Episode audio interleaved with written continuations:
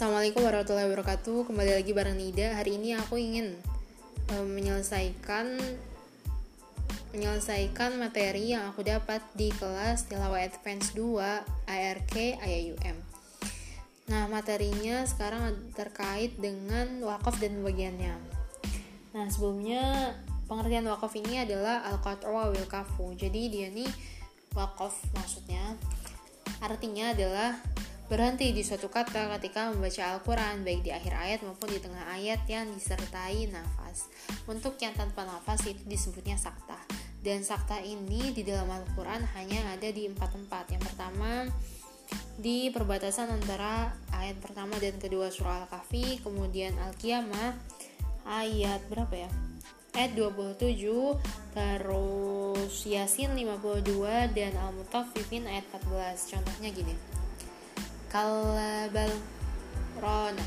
Di situ berhenti sebentar kan tadi dan tanpa nafas. Jadi kalau pengertian sakta ini kotol kiroa zamanun akal min zamanil wakaf lebih tanafus membaca membaca dengan waktu yang lebih sedikit. Ah membaca. Memberhentikan bacaan dengan waktu yang lebih sedikit daripada waktu wakaf dan tanpa bernafas gitu loh si sakta ini. Kemudian pengertian yang berkaitan dengan wakaf ini ada ibtida. Ibtida ini berbeda dengan wakaf kalau wakaf saklek berhenti. Kalau ibtida ini dia berhenti tapi mengulangi beberapa kata di belakangnya. Contohnya gimana ya? Coba Ana cari ayat Al-Quran terus Ana contohkan bacaannya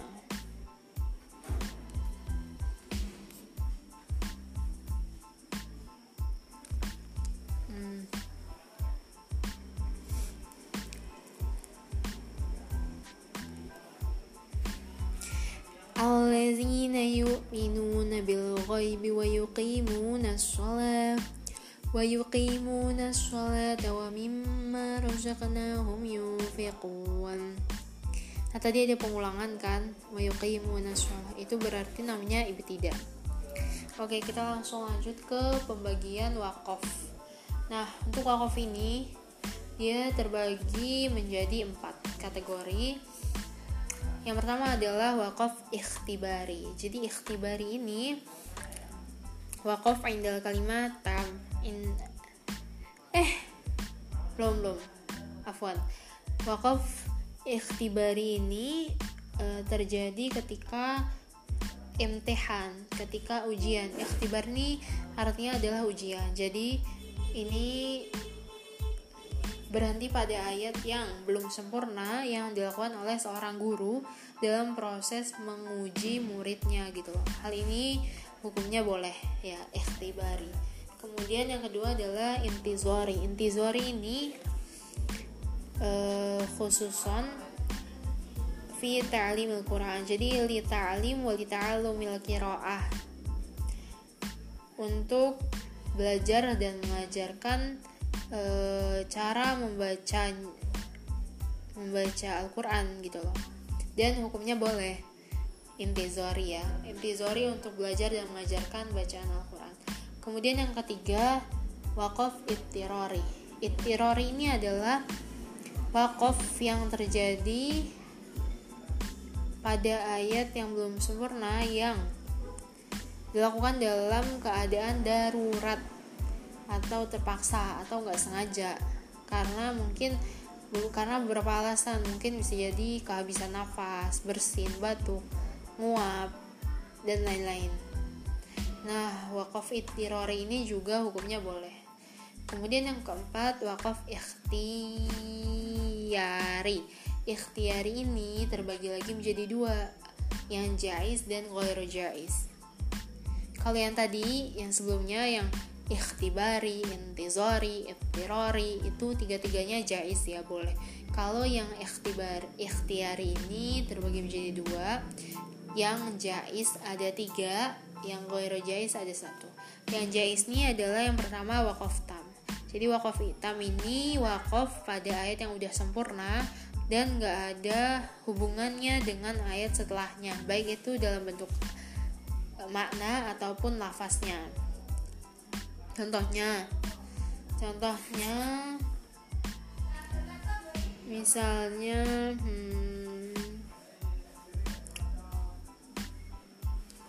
misalnya di surah Al-Fatihah Malik yaumiddin Iyyaka na'budu wa iyyaka nasta'in jadi ayat yang pertama ini menunjukkan pemujaan terhadap Allah dan ayat yang kedua ini e, merupakan ungkapan komunikasi dengan Allah.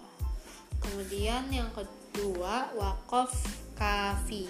Wakaf kafi ini e, adalah wakaf pada ayat yang udah sempurna ayatnya, tapi masih ada hubungan makna dengan ayat setelahnya. Contohnya, masih ada hubungan makna dan berbeda lafaz ya. Contohnya Innal ladzina kafaru sawa'un 'alaihim a'anzartahum am lam tunzirhum la yu'minun. Khatamallahu 'ala qulubihim. Ini surat Al-Baqarah ayat 6 sampai 7. Yang ayat 6-nya ini artinya adalah sesungguhnya orang-orang kafir baik engkau beri peringatan atau tidak mereka nggak akan beriman Allah ayat tujuhnya Allah telah menutup hati mereka.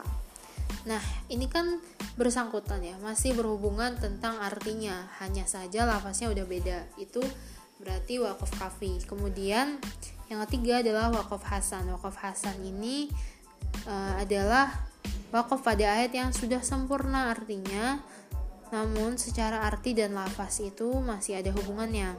Contohnya, Alamin Ar-Rahmanir-Rahim. Ini masih ada hubungan arti dan lafaz. Artinya sama kan? Kayak misal lihat di surah Al-Fatihah artiannya Dan lafaznya ini sama Masih um, uh, Allahi kan yang di ayat sebelumnya yang ayat setelahnya Ar-Rahmani. Itu bentuk lafaznya bentuk iropannya masih sama. Kalau nggak salah mudof ilaih.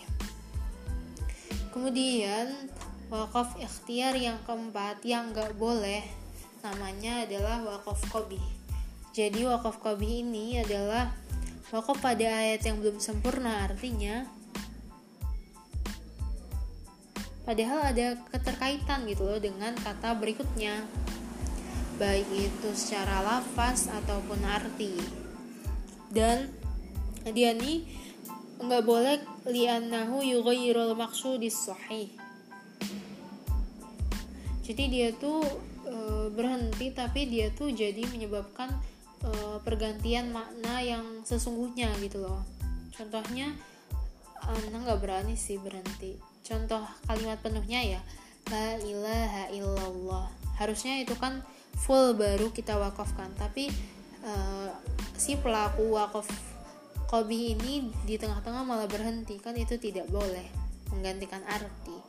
Kan artinya tidak ada Tuhan kecuali Allah. Tapi kalau kalau dia berhenti di tengah-tengah itu kan artinya sudah berbeda sudah menyalahi arti yang sesungguhnya kemudian kita lanjut ke materi yang Anda baru tahu banget selama hidup 20-an tahun ini baru tahu sekarang. Apa coba tentang kaifiyatil waqaf sama ujuhul waqaf. Jadi kaifiyatil waqaf ini kayak uh, bagaimana si wakaf ini tuh masuk ada masuk ke tiga kategori lagi berbeda dengan yang tadi kita sebutkan tapi ini ada tiga kategori. Jadi yang pertama adalah sukunil mahat jadi ja'al tuhu sakinah. Jadi uh, kategori yang masuk ke ja'al tuh sakinah yang sukunil mahat ini dia wakafnya berhenti mati gitu loh. Kalau yang kedua ar-rom ar-rom ini itsian bil harakah lil qarib dunal ba'id gimana ya jelasinnya ini nanti langsung contoh deh ini agak bingung juga pokoknya arom ini gimana ya gini loh Itsian bil haroka lil korib dunal bait. Jadi intinya dari kata bahasa Arabnya ini dia tuh kedengaran untuk orang-orang yang dekatnya doang. Nanti kita bisa langsung ke contoh kalau masih bingung. Kemudian yang ketiga adalah ismam ismam ini domus syafatain. Jadi pas baca ismam ini kayak di monyongin dikit gitu loh. Domus syafatain namanya. Nah untuk pembagian harokatnya sendiri jadi di kaifiyatil wakaf ini kita bisa identifikasi dia masuk ke kaifiyat yang mana itu dari harokat ini. Yang pertama kita langsung bahas sukunil mahat ini berlaku untuk tiga harokat semuanya ini doma fathah dan kasroh kalau arrom domah dan kasroh doang ismam domah doang. Nah, itu overviewnya paham insya Allah ya. Kemudian kalau aujuhul wakof maknanya adalah adidil harokah alazi yumkin an fiha. Jadi jumlah harokat yang kita tuh bisa untuk membacanya gitu loh. Yang kita mungkin untuk membacanya. Pilihan-pilihan yang kita bisa baca gitu loh. Berapa harokat sih ayat ini gitu loh. Nah contoh kita langsung ke contoh yang pertama. Misalnya ayat ini. Ar-Rahmanir-Rahim. Nirrahimi kan akhirnya itu adalah kasroh jadi kaifiatnya dia bisa dua, entah baik itu sukunil mahat maupun ar-raum. Nah, untuk di sukunil mahat dia akan mati ya di akhirnya disukunkan. Jadi ini masuk ke kategori mat arid li sukun. Mat arid li sukun itu dibaca dua atau empat atau enam harakat. Jadi itu ya udah. Terus kita lanjut di arom. Aromnya ini yang isyan bil lil qarib dunal ba'id ini dia nirahim. Pelan. Itu masuk matobi'i yang dua harokat doang. Jadi di ayat ar-rahman nirahimi kaifiyatnya itu ada dua sukunil mahad dan ar-rawum dan untuk aujuhul wakafnya ada empat dua harokat dari sukunil mahat, empat harokat dari sukunil mahat, enam harokat dari sukunil mahat, dan dua harokat dari arraum. Paham ya? Paham sampai sini insyaallah. Kemudian ya perlu diperhatikan lagi meskipun sama-sama dua harokat ya tadi. Tadi dua harokat ini disebutkan dua kan. Meskipun tadi kan anda sebut aujul wakafnya ada empat. Tapi di sini ada yang sama-sama dua harokat. Itu tetap berbeda karena yang satunya dibaca sukun di akhir dia masuk ke mat arid di sukun dibaca sukun di akhir. Kemudian yang satunya lagi arraum dia dibacanya nggak sukun di akhir. Kemudian contoh yang kedua adalah iya karena dua iya karena stainu domah domah masuk ke semua kategori. Jadi domah nasta'inu dia bisa masuk ke sukunil mahat dan masuk dia adalah mat arid li sukun. Jadi bisa dua aujuhnya. Dari sini dapat tiga ya dua empat dan enam. Kemudian dari arrow dari arrow ini satu juga satu doang. Atau bi dua harokat kemudian dari nasta'in gitu kan. Dari Ishmam. Dari Ishmam ini juga mat arid sukun. Nasta'inu gitu. Kayak ada domah di belakang yang tetap kita menyongkan bibir gitu loh. Dari Ishmam kita dapat aujuhnya tiga yaitu dua empat dan enam harokat. Oke. okay itu sudah cukup. Insya Allah sudah bisa dipahami. Kalau enggak ya bisa chat aku bisa ke WhatsApp atau Instagram Nida RI hanya tiga kali. Syukron semoga bermanfaat. Pas banget ini bentar lagi 15 menit. Insya Allah aku akan bahas terkait materi-materi lainnya untuk Tilau Advance ini cuman ada dua podcast bisa didengarkan yang sebelum ini aku udah bahas tentang bab Mat ya. Syukron. Assalamualaikum warahmatullahi wabarakatuh.